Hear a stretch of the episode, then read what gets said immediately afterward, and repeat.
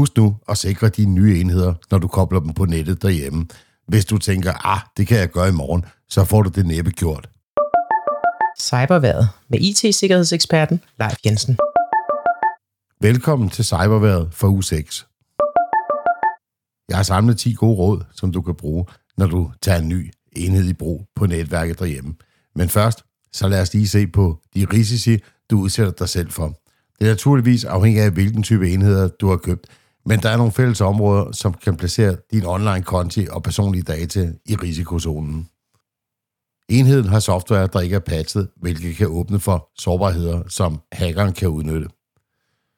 Standardkodeordet på produktet er let at gætte, og produktet kræver ikke, at brugeren opdaterer password med det samme. Igen giver det hacker mulighed for at logge ind på produktet uden det store besvær. Der er ikke to-faktor godkendelse på enheden som standard, og det gør det let at hacke sig ind på enheden.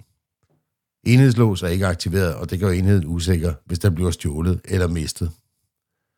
Privatlivsindstillingerne er ikke sikre nok lige ud af boksen, og derfor får du delt for mange personlige data med annoncører eller potentielle ondsindede aktører. Det gælder især med børns legetøj. Bestemte indstillinger, såsom video- og lydoptagelse, er slået til som standard, hvilket udgør en privatlivsudfordring. Igen, især ved legetøj. Der er ikke kryptering på kontodannelse og login-proces, hvilket kan eksponere brugernavne og passwords. Enhedsparing, såsom smart legetøj eller apps, sker via Bluetooth, uden at der kræves godkendelse. Det gør, at alle i princippet kan forbinde sig med enheden og måske streame upassende indhold til den. Igen er det noget, der er særligt bekymrende ved legetøj. Enheden deler automatisk lokationsdata, hvilket potentielt sætter dig og din familie i fare for at blive udsat for tyveri. Der er ikke noget sikkerhedssoftware på enheden, hvilket gør den mere udsat for internettets fare og dermed datatab eller malware, der tager bopæl på din computer. En af udfordringerne er, at der stort set ikke er nogen krav til producenter og leverandører om, at enheder, der har adgang til internettet, skal være sikre. Det udnyttes af hacker over hele verden, og derfor er det vigtigt, at de nye enheder sikres, så snart du pakker dem ud af æsken og får sluttet dem til netværket derhjemme. Her er de 10 råd, som du bør være opmærksom på, når du kobler en ny enhed på nettet derhjemme. Nummer 1.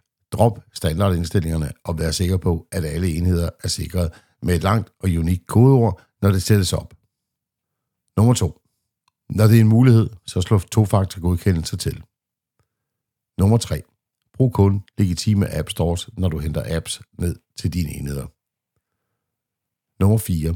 Undgå at jailbreake dine enheder. Det kan åbne for en søndflod af sikkerhedsrisici. Nummer 5. Vær sikker på, at al software og alle operativsystemer er opdateret til nyeste version, og slå automatisk opdatering til, når det er muligt. Nummer 6. Skift enhed til indstillinger for at forhindre uautoriseret parring med andre enheder.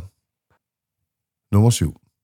Slå alle muligheder for fjernstyring og Universal Plug and Play UPnP fra, når det er muligt, og vær sikker på, at enheden er registreret og modtager opdateringer. Nummer 8.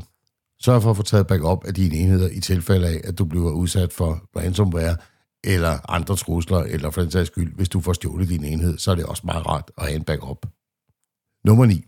Log alle smarte enheder på et separat trådløst netværk, så eventuelle angriber ikke kan nå de mest følsomme informationer. Nummer 10.